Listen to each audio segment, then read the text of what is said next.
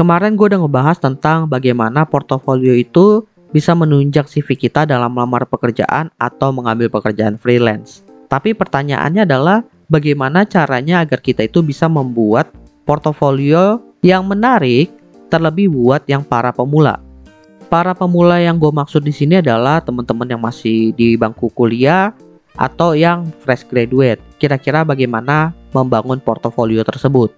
Ada beberapa cara di sini yang menurut gue dapat dilakukan dengan mudah oleh teman-teman. So, langsung aja kita bahas. Cara pertama adalah dengan memasukkan portofolio dari project tugas-tugas yang kalian kerjakan di bangku kuliah. Ini sering banget ya di jurusan kayak IT dan juga jurusan kayak desain. Di mana tentunya mereka itu mengasah kemampuan dengan project. Kalian bisa listing project-project apa yang udah kalian kerjakan dari semester awal sampai semester akhir. Bahkan skripsi kalian pun bisa kalian masukkan. Kemudian kalian bisa filter beberapa project atau tugas yang kalian kerjakan dengan optimal. Kalau misalnya banyak, biasanya sih gue dulu listing sekitar 5 portofolio terbaik gue dari tugas-tugas kuliah yang gue kerjain itu. Jadi ya buat teman-teman yang masih di bangku kuliah dan pengen bangun portofolio, ketika kalian punya tugas kuliah itu yang sifatnya project, sebaiknya kalian kerjain bener-bener karena itu bisa menjadi senjata kalian buat ngebangun portofolio kalian nantinya. Next, poin kedua adalah dengan membuat project sendiri. Misalnya teman-teman itu kurang pede dengan portofolio tugas project kalian saat di bangku kuliah, kalian bisa mencoba membuat project sendiri. Contohnya ketika gua itu udah lulus, gue itu ngebangun websitenya si Opsiana Podcast. Di mana ya sekarang udah nggak bisa diakses karena lagi ada proses pembaruan. Dan beberapa temen gue pun ya ngebangun website sendiri sebagai portofolio mereka nantinya. Dan website-website ini yang menjadi portofolio itu bisa diakses kemudian juga bisa diberikan kepada pemberi kerja atau klien yang mencari freelancer. Tapi tentunya untuk ngebangun project sendiri ini lumayan ribet ya karena kadang masih uh, terikat dengan yang namanya idealis kita.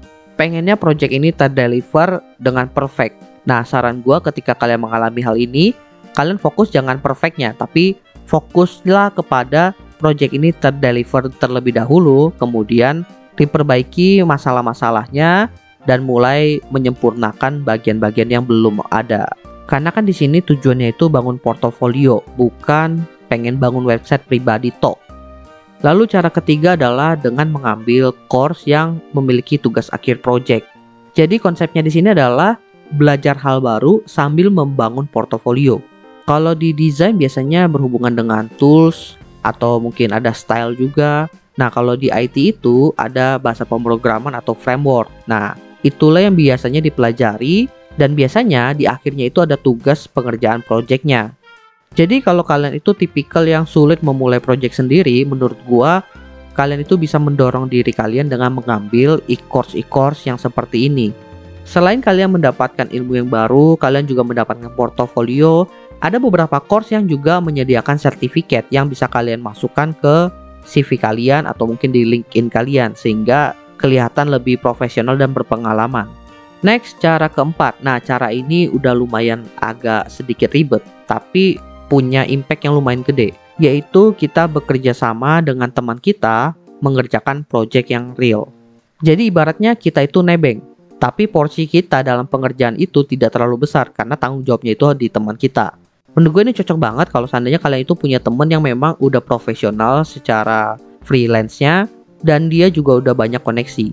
Nah, kalian itu ketika masih merintis, kalian bisa nebeng sama mereka.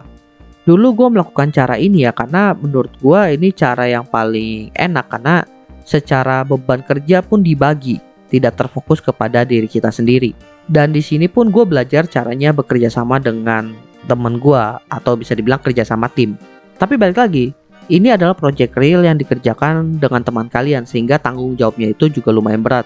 Jadi secara effort itu kita harus lebih effort untuk komunikasi dengan teman kita ini. Tapi menurut gue masih lebih ringan lah daripada cara kelima ini. Cara kelima adalah mengambil project sendiri, benar-benar project real dan dikerjakan sendiri. Ini levelnya kalau memang kalian itu punya koneksi dan kalian itu udah nekat atau udah siap untuk mengambil project sendiri. Menurut gua mengambil project sendiri itu bebannya berat, kemudian tanggung jawabnya besar, tapi hasilnya sangat worth it. Dan kalau dijadikan portofolio, ini menjadi salah satu portofolio yang bisa dibilang portofolio terbaik kalian lah. Cara keempat dan cara kelima itu menurut gua cara yang paling bagus karena dari segi portofolionya itu berdasarkan case yang nyata dan juga telah melalui proses analisa-analisa, kemudian tektokan dengan klien yang nyata, kemudian ada negosiasi sehingga menghasilkan sebuah produk yang solid. Dan biasanya klien atau pemberi kerja itu tertarik dengan orang-orang yang memang udah pernah terjun langsung dengan case di dunia nyata. Jadi ya menurut gue cara keempat dan cara kelima itu adalah cara yang sangat worth it untuk dilakukan dalam membangun portofolio. Tapi balik lagi, kita nggak bisa langsung loncat ke poin keempat kelima tanpa melalui fase-fase awal yang biasanya cocok itu menerapkan poin pertama. Jadi gue bisa bilang buat teman-teman yang lagi ngebangun portofolio, semangat dan jangan pantang menyerah dalam membangun portofolio kalian. Well, gue rasa itu aja sih yang pengen gue bahas di episode podcast kali ini. Thank you buat teman-teman yang sudah mendengarkan. Semoga bermanfaat buat teman-teman semua. By the way, jangan lupa follow Instagram Opsiana Podcast di @opsiana_media karena di situ akan ada informasi-informasi menarik seperti update dari Opsiana Podcast dan konten-konten menarik lainnya yang pastinya nggak boleh terlewatkan oleh teman-teman. Oke, gua rasa itu aja. Thank you buat teman-teman yang sudah mendengarkan. See you next time di Opsiana Podcast episode lainnya. Bye semuanya.